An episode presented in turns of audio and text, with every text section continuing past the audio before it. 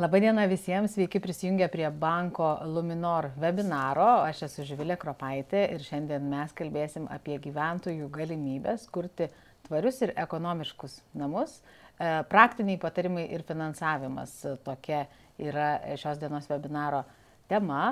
E, Olga Kazanavičiane, Luminor vartojimo paskolų plėtros padalinio vadovė yra su mumis. Labadiena. Sveiki. Taip pat Justas Kersnauskas, Ignitis produkto vadovas. Sveiki. Sveiki. E, gal e, šiandien daugeliu šeimų ir gali atrodyti tokie pamastymai tolimi, e, tarsi žalioja ekonomika ir jos inovatyviausi būdai plėtotus kažkur toli nuo mūsų, bet visgi mes matom ir jaučiam kintančią ekonominę padėtį ir ekonominę aplinką, išteklių brangimą ir tai neišvengiamai verčia susimastyti apie galimybės sutaupyti, ar galima tą padaryti, nuo ko pradėti, apsisprendus įsirengti šilumos siurblį e, arba e, saulės elektrinę namuose, kokios yra subsidijos ir koks finansavimas tokioms investicijoms ir kokios alternatyvos panaudoti kitus e, energijos šaltinius. Visą tai mes šiandien kaip tik ir aptarsim. E, e, girdėjom ir prisimenam pavyzdį, kaip Bill Gatesas, Billas Gatesas investavo į savo išmanius namus, man atrodo, 100 milijonų Junktinių valstybių dolerių, bet nebūtinai turbūt tiek reikia, jeigu nori tą padaryti ir pats, Olga. Apskritai gal pasakykim, pirmiausia, susidomėjimas šitom priemonėm ir toks klientų klausinėjimas yra išaugęs. Nesusidomėjimas. Taip, iš tikrųjų, galiu pasakyti, kad tas susidomėjimas yra be galo didelis.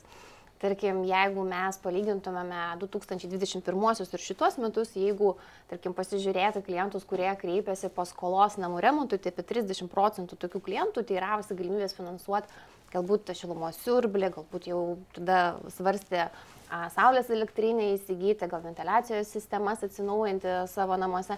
Tai dabar mes matom, kad tokių klientų padvigubėjo. Kita priežastis galbūt vėlgi dėl ko tas susidomėjimas auga, tai pavadinkim taip, yra labai išsivyščiusi ir plati subsidijų sistema, kurią mes turim Lietuvoje. Ir jeigu mes palyginsim Lietuvą su kitom Baltijos šalim, tai mes matom, kad nu, Lietuva yra tikrai labai aukštam lygyje. Subsidijų iš valstybės? A, taip, tai yra valstybės a, programos, kurios yra tai šiai dienai, tarkim, Lietuvoje, tai yra ilgą laiką veikianti subsidijų programa. A, tarkim, Latvijoje a, prieš tai daugiau buvo subsidijos skirtos namų energetiniam efektyvumui, bet nebuvo fokuso į saulės elektrinės. Tai tik tai šiais metais jie startavo su nauja programa visai nesenai pavasarį, o jeigu žiūrėtumėme į Estiją, tai dar tokių didelių skaičių mes kol kas nematom, bet irgi jau ta tendencija yra auganti. Na nu ir vėlgi skaičiai kalba už save, jeigu vėlgi grįžtam į Lietuvą, tai visi, manau, jau esat girdėję, kad kai tik tai startavo paraiškų prieimimas, tai praktiškai per pirmas dienas jau ta bendra suma, ne, jeigu susumuot visas paraiškas, a, subsidijai gauti, jinai jau praktiškai viršėjo numatytą valstybės subsidijų sumą. Tai, e, tai klientai kreipdamiesi jau žino, kad yra. Taip, labai programa. daug klientų girdi, gal šiek tiek dar klientam, kai kuriem yra sunku susigaudyti, a, kokia yra ta tvarka, bet iš principo jau tikrai ganėtinai daug kas žino. E, jūs tai, tai ta parama konkrečiai kvietimą naudotis skelbė šiemet jie aplinkos projektų valdymo agentūra, pasakykit, kas gali visgi kreiptis tą paramą gauti ir kokios yra sąlygos, kokie yra pagrindiniai dalykai, kuriuos turi žinoti gyventojai. Taip, tai kaip ir paminėjot, iš tiesų paramą skirsto būtent aplinkos projektų valdymo agentūra, trumpiau apva dauguma žmonių taip ją žino. Ir gal pirmiausia reiktų paminėti, kad iš tiesų e, vyksta ta parama dviem etapais. Tai pirmiausia, reikia teikti prašymą, kad galėtume mes ją užsitikrinti ir vėliau jau įsirenkus savo pasirinktą technologiją, paprašyti būtent, kad būtų stikta jau galutinai kompensacija.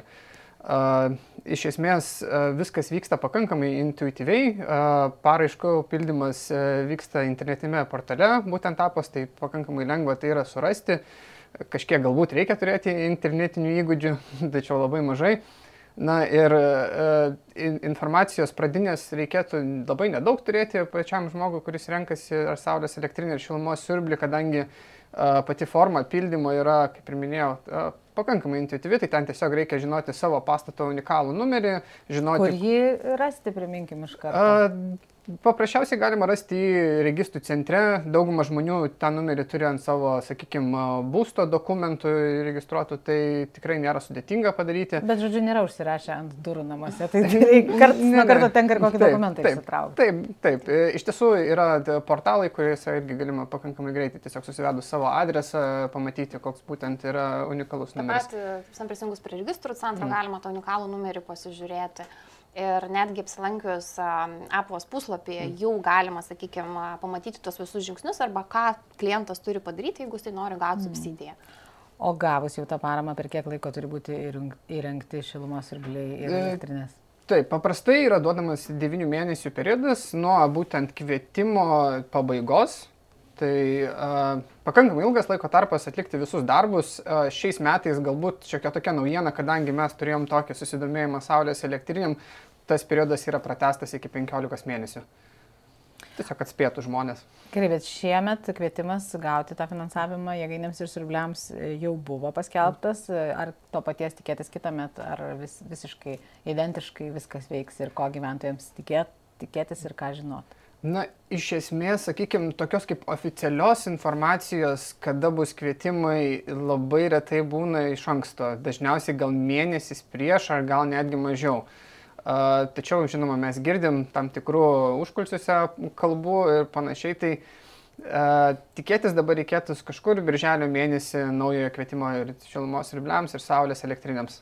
Tai jau visai greitai čia toks. Taip, taip, tai reikėtų iš tiesų jau, jau susidomėti, jau įsirinkti, kokio galingumo ar šilumos siurblių norėtų įsirengti, ar saulės elektrinio kokio galingumo jau šiek tiek pasidomėti. Ir vėlgi, reikia suprasti, kadangi iš tiesų yra įvykęs toks didelis bumas, na, Įsirengimo klausimas yra gana, sakykime, jau sudėtingas.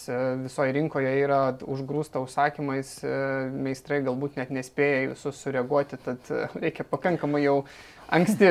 tai gerai, tai tada sakykit, ką, kaip reikia ruoštis apie galingumą pagalvot, tą jūs pabrėžėt, o tarkim, nusprendus arba netgi jeigu tau nėra pernelik svarbu, koks tas galingumas, kaip dar reikia pasiruošti, ką dar reikia žinot, meistrų iš anksto ieškotis. Na, e, iš esmės, e, sakykime, saulės elektrinių atveju yra pakankamai paprasta. E, tai reikia žinoti savo, sakykime, būsto poreikį elektros energijos. Ką paprastam gyventojui nėra lengva įsivertinti, reikia turbūt irgi ekspertų. Na, dažniausiai galima pasižiūrėti, kiek per metus suvartojate kilovatvalandžių ir pagal tai nuspręsti, kokio galingumo, sakykime, jums elektrinė yra reikalinga. Žinoma, atsiranda papildomų sudėtingumų, kai norime kažkokius įsigyti papildomus produktus, ar tai būtų elektromobilis, ar tai būtų šilumos siurblys, kuris taip pat, sakykime, naudoja elektros energiją, kad šildytų namus ar ruoštų karštą vandenį. Tai jau tada taip reikėtų, kad šiek tiek būtų, kas galėtų pakonsultuoti, kiek iš tiesų reikės gal galutinėme taške tų kilovatvalandžių metams ir pagal tai įsirinkti, kokio galingumo elektrinė būtų naudingiausia būtent jums. Iš techninių, sakykime, sąlygų tai taip pat pačiam gal galvot labai daug nereikia. Saulė elektrinė, sakykime, ant stogo įsirengti, na, beveik įmanoma, beveik visais atvejais, išskyrus nebent tai būtų, sakykime, šiaudinis stogas, ar, ar būtų neleista tiesiog pagal architektūrinius standartus to daryti ant, ant namo. Na ir žinoma, šilumos siurbliai yra įvairios, jau sakykime, galbūt ne, ne, ne techniniai blokai yra, bet uh, reikia tikrai tikslingai jau me, meistro inžinieriaus konsultacijos, uh, kaip įrengti, kur statyti viską ir uh, kad būtų tiesiog uh, pritaikyta būtent kliento poreikiams. Na gerai, tai turbūt reikia ir finansavimu kažkaip papildomai domėtis ir savo ištekliais, ir pinigais, ir galimybėm finansuoti, ar ne visą tai bankai, kiek palankiau į mm. mane, tarkim, žiūrės, jeigu aš ateisiu ir sakysiu, man reikia, kad jūs kredituotumėt mm. tokį projektą. Nu, visais atvejais, jeigu ateina klientas ir jis įdomisi tą galimybę gauti finansavimą, tai nu, bet kokiu atveju seka įprasta mokumo vertinimo tvarka. Ne? Tai reiškia, mes bandom įsivertinti, kiek finansiškai pajėgus klientas pasimti tą paskolą, ne, prisimti tą naštą. Bet e, ką mes labai dažnai matom, arba kur, sakykime, suklumpa klientai dar prieš kreipiantis, kad jie kartais ne visada žino iš tikrųjų, kokios tos reikia sumos. Ir va čia tikrai reikėtų, nu, nežinau, iš tikrųjų labai gerai pragalvoti ir, ir, ir susidėlioti, galbūt galvoti, turėti viziją, reiškia, ką aš noriu pasidaryti, koks tas yra sprendimas, kur aš noriu. Tai yra tik tai viena elektrinė, ar tai yra dar papildomai kažkokie sprendimai, reiškia, kokios man tos sumos reikia. Nes tikrai turim tokių atvejų, kad žmogus grįžta po kiek laiko, ten po mėnesio sako, žinot, aš pagalvosiu, dar automobilį pirksiu ir, ir, ir, ir pasikeičia, reiškia, ta visa situacija. Tai, sakykime, darom vertinimą iš naujo. Bet kalbant apie finansavimą, taip, pačios palūkanos, jeigu žmogus kreipiasi kreipiasi paskolą namų energoefektyvumui gerinti, saulės elektriniai, tai jos yra ženkliai mažesnės. mažesnės. Šiai dienai rinkoje vidutiniškai tai yra Lietuvoje 4,9 procentiniai punktai metinė palūkanų norma, aišku, šiek tiek skiriasi tos sąlygos ir tarp kitų bankų, tarkim, gali būti šiek tiek kitoks sutarties mokestis, bet iš principo jos yra ganėtinai panašios. Bet, bet kokiu atveju įman šiai konkrečiai paskirčiai, kur palūkanos yra ženkliai mažesnės, kai kuriem klientam priklausomai nuo rizikos laipsnios gali būti netgi kelis kartus mažesnės, jeigu simtų nu, paprastą vartojimo paskolą, tarkim, kasdieniniam poreikiui. Tai yra vienas momentas. Kitas uh, momentas, ar yra specialus kažkoks tai produktas uh -huh. kreditavimas būtent e, elektrinėms ir surpliams? Taip, tai yra, sakykime, taip, yra išskirta konkreti paskirtis, a, tai reiškia, klientas turi panaudoti tas lėšas būtent elektrinės įsirengimui, kaip pavyzdys, ne, ir vienas galbūt iš tokių netipinių reikalavimų, nu priešingai, jeigu, tarkim, įmant netgi paprastą paskolą namų remontui, tai būstas turi būti kliento vardu arba su toktinio vardu. Tai reiškia, nu, mes, sakykime, vis vienu turime įsitikinti, kad būtent tam objektui, kuris priklauso klientui, būtent vyksta visa konstrukcija. Ne arba projektas bus įgyvendintas. Taip pat, į ką reikėtų atkreipti dėmesį irgi, kad bankai pasilieka teisę paprašyti, pavyzdžiui, prisijungimo sutarčių prie to paties OSO, kad iš tikrųjų įsitikinti, kad lėšos tinkamai yra įsisavintos. Tai yra esminiai, sakykime, tokie dalykai. Bet jie tai daro žinant klientui ar ne? Jisai turi duoti sutikimus, ar tiesiog jie turi galimybę matyti tos duomenys ir viskas? A, praktikoje bankai tiesiog pasikreipia ir paprašo, nes a, Pirmas dalykas, kas yra labai svarbu, kad klientas, kai kreipiasi į mus, tai su savim jau turėti samatą. Ne? Tai čia yra pradžių pradžia jau atėjus į banką. Uh, Ir paskui priklausomai nuo situacijos, jeigu yra sudaryta sutartis su rangovu, tai dažniausiai jau papildomų jokių dokumentų neprašoma, bet jeigu, tarkim, tai yra tiesiog, sakykime, paraiška ir preliminari kažkokia sutartis paskaičiavimas, tai taip mes galim pasilikti tą teisę, tiesiog pasikreipti, tarkim, po mėnesio ir pasiklausti, ar visgi yra viskas priduota ir yra įrengta. Tai dar tik apibendrinkim, e, kalbant apie e, specialų kreditavimo produktą energetiniam būsto efektyvumui gerint, e, kas gali jį gauti ir kokiam sąlygom. Tai jeigu kalbėti apie konkrečią šitą paskirtį, tai sąlygos yra tokios, kad klientai gali pasiskolinti dažniausiai nuo 2000 iki 30 tūkstančių. Taip, tai yra suma ganėtinai didelė. Palūkanų norma būna 4,9 procentinių punktų. Ir iš principo viskas, kas, kas lieka kaip įsipareigojimas iš kliento pusės, tai yra pateikti reikiamus dokumentus tiesiog. O gavus subsidiją galima susimažinti paskolos likutį. Taip, ir iš tikrųjų mes labai skatinam klientą ir galbūt vat, nu, su kolego irgi kalbėsim šiek tiek toliau, tai vat, apie tą taupimą ir investavimą iš tikrųjų, nes kartais klientam atrodo, kad tas finansinis įpareigojimas yra labai didelis, bet jeigu tu žiūri kompleksiškai, tai tu pamatai, kad tu gali sutaupyti. Pakalbėkim tuomet apie kainas ir apie galimybę sutaupyti, kiek vidutiniškai gali kainuoti sprendimai, kurie uh, energijos išteklius atsinaujinančios uh, naudoja. Ir pavyzdžiui, nuo savame name, ar yra kažkokių populiariausių sumų, į kurias gali orientuoti žmonės, kurie nori šitų sprendimų? Na, sakykime, čia toks jau gal sudėtingesnis klausimas, kadangi žinoma... E, žinoma, kas, viskas visada individualu. Taip, viskas labai priklauso nuo, sakykime, ir tų techninių sąlygų esamų, ir, ir nuo pačio prekės ženklo. Uh, Tačiau gal, sakykime, saulės elektrinių atveju, jeigu kalbėsime apie montavimą ant stogo, tai kažkur reikėtų tikėtis tarp 800 iki 1000 eurų vienam kilovatui. Kažkas tokio. Žinoma, kuo daugiau kilovatų stataisi, vadinasi, tuo daugiau reikia modulių, vadinasi, tuo daugiau yra pačių darbų prijungimo. Tai gerai, jeigu, tarkim, 100 kvadratų būstas. Šimto kvadratų būstas, na taip, labai iš tiesų priklauso, e, kiek, kaip ir minėjau, suvartojimo elektros energijos, kiek iš tiesų jos reikia, bet... e, Jeigu, jeigu vidutinį tokį imsim skaičių. Jeigu vidutinį, sakykime, na, vidutiniam galbūt užtektų ir uh, apie 5 kW elektrinės, kas reikštų, kad, na, kažkur kainuotų, jeigu, sakykime, jau kokybiška, uh, patikimų rangovų sumontuota apie 5000 eurų, sakykime, Na ir tokiu atveju subsidija siektų apie pusantro tūkstančio, jeigu neklystu. Tai čia tada galima atimti tą sumą iš e, tų penkių tūkstančių. Taip, taip. taip. Tai bendroji sumoje iš tiesų e, gyventojas susimoka 3500 ir šiek tiek mažiau. Čia jau žinoma priklauso nuo individualos būtent to projekto. Jeigu kalbant apie šilumos siurblius, jau yra, aišku, sudėtingesnė situacija, kadangi mes jau čia kalbame ne apie kažkokį naują produktą, kuris statomas e, būstui, tačiau E, subsidija galima tik tiem, kurie iš tiesų keičia savo seną šildymo sprendimą, tai vadinasi pas juos jau yra kažkokia šildymo sistema, tai su tuo irgi reikia kartu sudirbti, ją reikia pašalinti, reikia e, galbūt kartais reikia keisti dalį šildymo pačios sistemos.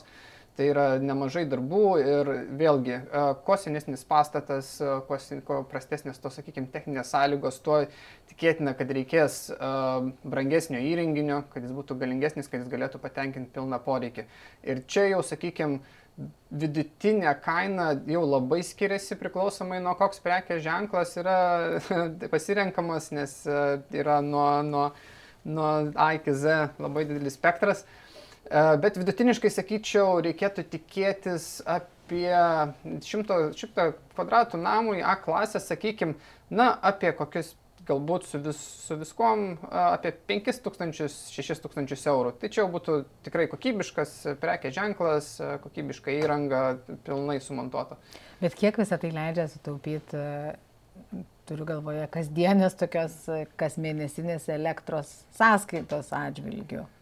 E, taip, sakykime, sutaupimo klausimu, jeigu taip visiškai jau atvirai kalbant, kuo senesnis būstas, e, tai e, sutaupimas ties šilumos siurbliu palyginus su kitom alternatyvom, na, jis nėra labai ženklus šiek tiek jo yra, bet tikrai ne tai, kad galėtumėm sakyti, kad jis atsiperka per tam tikrą laiko periodą, kadangi visgi kalbam, sakykime, apie šilumos siurblį, tai čia jau mes negaminam jokio produkto, kuris mums finansinę naudą atneštų, mes suvartojam, mes naudojam savo poreikiams, būtent tą šilumą čia tolygu tas pats, kas automobilį kūrą pirkti, na, sudėtinga pasakyti, kiek tas kūras jums atsiperka už nuvažiuotą atstumą. Tačiau kuo, kuo naujesnės statybos būstas, jau A klasės, tai žinoma, suvartoj, suvartojimas yra daug mažesnis, daug energetiškai efektyvesnis būstas, tai palyginus su alternatyvomis galima tikėtis apie 20-30 procentų sutaupimo metinio. Bet čia tik apie sirblius kalbate ar Taip, tik apie, elektrinės? Tik apie sirblius. Jeigu kalbam apie saulės elektrinės, na tai E, reikia įsivaizduoti, kad mes, e, žinoma, gaminame jau elektros energiją, tampame gaminančiais vartotojais, vadinasi, mes e, gaminame kažką, kas turi finansinę vertę jau bendroje rinkoje. Tai, sakykime, 5 kW elektrinė, kaip prieš tai sakėm, 100 kvadratų būstų, tai, na, pagamina apie 4,5-5 tūkstančius kWh per metus. Žinoma, kiekvienais metais viskas skiriasi, turim ir saulėtų, ir mažiau saulėtų dienų, bet čia maždaug toksai vidurkis. Tai uh, Apie 5000 kWh, jeigu skaičiuotume pagal dabartinės rinkos kainas 20 centai, tai žinoma jau gaunasi 1000 eurų. Tai, tai tada metais sutaupai, uždirbi 1000 eurų iš esmės. Bet gerai, bet tada jūsų skaičiavimais per kiek laiko jie atsiperka? Tai, sakykime, jeigu mes kalbame, kad statome su subsidija, turime 3,5 tūkstančių nuo savų lėšų, kurias mes investuojam, kiekvienais metais mes galime sakyti, kad atgaunam apie 1000 eurų. Na, žinoma, reiktų įskaičiuoti tai, kad ne, ne visa ta elektra pagaminama nemokamai, yra tik tais momentinė yra nemokama, už visą kitą mes vis tiek būtent tą tinklo pasaugojimo mokestį mokam, kuris yra 5 centai. Tai, Taip sakykime, galim sumažinti tą pelną iki 17 centų iš kWh. Na, tai uh, grubiai mes uždirbame, sakykime, po 8-900, tai tiesiog belieka dalinti 3,5 tūkstančio iš 900 ir gaunasi 4 metai. Bet ar čia jūs tai yra įskaičiuota eksploatacija, galimi gedimai, tai kad visgi kažkurios elementus reikia mm. keisti karts nuo karto? Uh, tai sakykime, saulės elektrinių atveju tai eksploatacija yra Labai paprasta, tiesiog ji yra, ji gamina elektros energiją, kai yra saulė ir viskas. E, gedimai dažniausiai yra e, tam tikrose elektrinėse komponentuose, sakykime, kaip inverteris. Ir tai, tai yra iš tiesų uh, apsaugoma garantijos, tai štai nereikia bijoti, kad reikia susimokėti, nes garantijos yra pakankamai ilgos. Dažnu atveju sviruoja tarp 5-10 metų garantija būtent pačiam inverteriui. Tai dar verta papildomai už garantiją mokėti, pratesiant ją. Šiaip, iš tiesų, jeigu yra kažkokie gedimai, tai jie išlenda per, per pirmus metus. Tad penki metai, bent jau mano asmeninė nuomonė, yra pakankamas laiko tarpas. Jeigu yra saugiau, jau geriau jaučiatės turėdamas ilgesnę garantiją, tai žinoma, čia jau asmeninis pasirinkimas, bet iš tiesų, na, jeigu yra kažkokie garantiniai gedimai, tai jie išlys per pirmus metus, tikrai ne, nereikia tikėtis, kad po 6-7 metų jau kažkas e, atsitiks. Jeigu veikia, tai veiks ir viskas bus gerai. Tai suprantu, kad pirmiems metams automatiškai garantija vis tiek tada duodama, jeigu tu Taip. jau tą elektrinę turi. Taip. Vieneriems metams dažniausiai. Ar priklauso irgi ne, nuo iš tiesų produkto? E, priklauso šiaip nu, ir nuo gamintojo. Tai, sakykime, vieni gamintojai pačiam, sakykime, inverteriui, tai čia iš tiesų tas aparačiukas, kuris keičia tiesioginę srovę į kintamą srovę, kurią galima, kurią galima panaudoti būstui ar perduoti į tinklą. Tai uh, jai suteikiama arba 5 arba 10 metų garantija, čia jau priklausomai nuo gamintojo, galima aišku prasitesti tai, o sakykime patys e, Saulės elektrinių moduliai taip pat e, sviruoja tą garantiją nuo, nuo 10 iki, iki, iki daugiau metų ir žinoma, jie garantuoja kaip minimaliai tai efektyvumą pačių modulių. Tai sakykime, jie užtikrina, kad po 20 metų efektyvumas nenukristų žemiau 88 procentų. Tai laisvai galima tikėtis, kad eksploatacija galima iki 25 metų ir gal šiek tiek daugiau. O tada jau reikia keisti modulį po 25 metų? Čia dažnu atveju tai manau, kad taip, dėje mes Lietuvoje iš tiesų dar kol kas neturim tokių senų modulių, kad galėtumėm taip jau tiesiai šviesiai pasakyti ir aš manau, kad galbūt ateityje netgi susidurti galim su tokia problema, kad net nežinosim, kaip iš tiesų utilizuoti tos modelius. Tai gerai, tai čia į ateitį žvelgiant, bet tarkim dabar, jeigu kas nors jau pradėjo domėtis šitais produktais atsinaujinančią energetiką namuose, bet girdi, kad čia labai daug žinot niuansų reikia, kad ir ten, kaip jūs sakot, galingumą pasiskaičiuoti, ir ten savo suvartojamą elektrą žinoti, ir dar į banką einant irgi daugybę visokių niuansų ir apie savo galimybės finansinės. E, kaip jūs paskatintumėt gyventojus visgi nepabijot šito informacijos rauto? E, ką jiems pasakytumėt ir kaip juos motivuotumėt? Nu, galbūt, ką mes motivuotumėm, tai iš principo pagalvot apie keletą dalykų. Tai e, pirmas dalykas, galbūt tai iš vis tas požiūris, ne į aplinką, ar, ar mes norėtumėme gyventi švaresniai aplinkoje, ne, mažiau žaloti mūsų gamtą ir ekologiją. Tai, sakykime, vis daugiau apie tai yra kalbama, tas atsakingumas, jisai auga.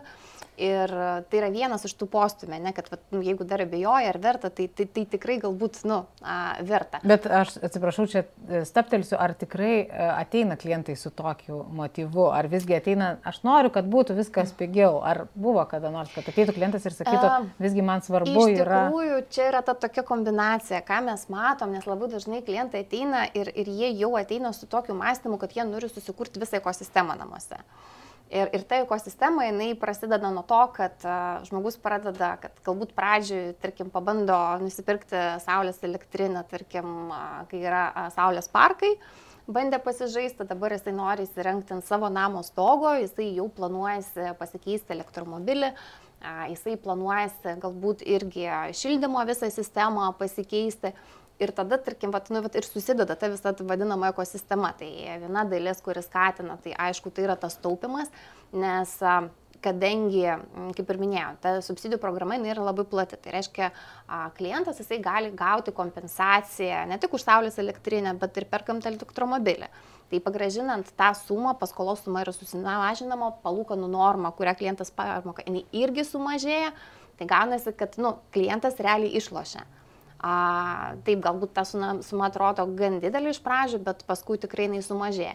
Ir tas taupimas, ką irgi minėjo Ignas, tai taip, tas atsipirkimas vyksta.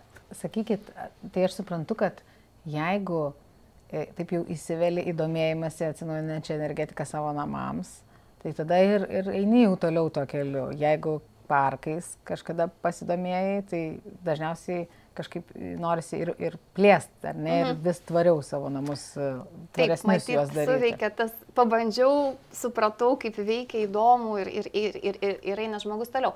Iš tikrųjų, vienas toks irgi galbūt pastebėjimas, jeigu ten prieš metus, prieš daug daugiau klientų domėjosi galimybė mm, saulės elektrinės nusipirkti saulės parkuose, tai daugiau dabar yra tendencija, sakykime, jeigu netinka netgi stogas, net ten pernelik nuo žalnus ir visgi net nėra tos galimybės Tai tiesiog netgi žmonės statosi priestatą ir, sakykime, įsirengia tas a, saulės a, panelės, tos kolektorius, sakykime, ant, ant, ant priestato. O parkai susidomėjimas išblėsęs yra, subsidijos yra pasibaigę? A, su parkais aš sakyčiau, dabar šiai dienai yra tokia situacija, kad a, paklausa yra didesnė už pasiūlą ir, ir, ir tiesiog, sakykime, yra net gailės a, susidariusios ir, ir, ir kadangi vėlgi yra tie keli momentai, ne, tai yra noras sutaupyti natūralu, nes kyla tas mėnesinės sąskaitos.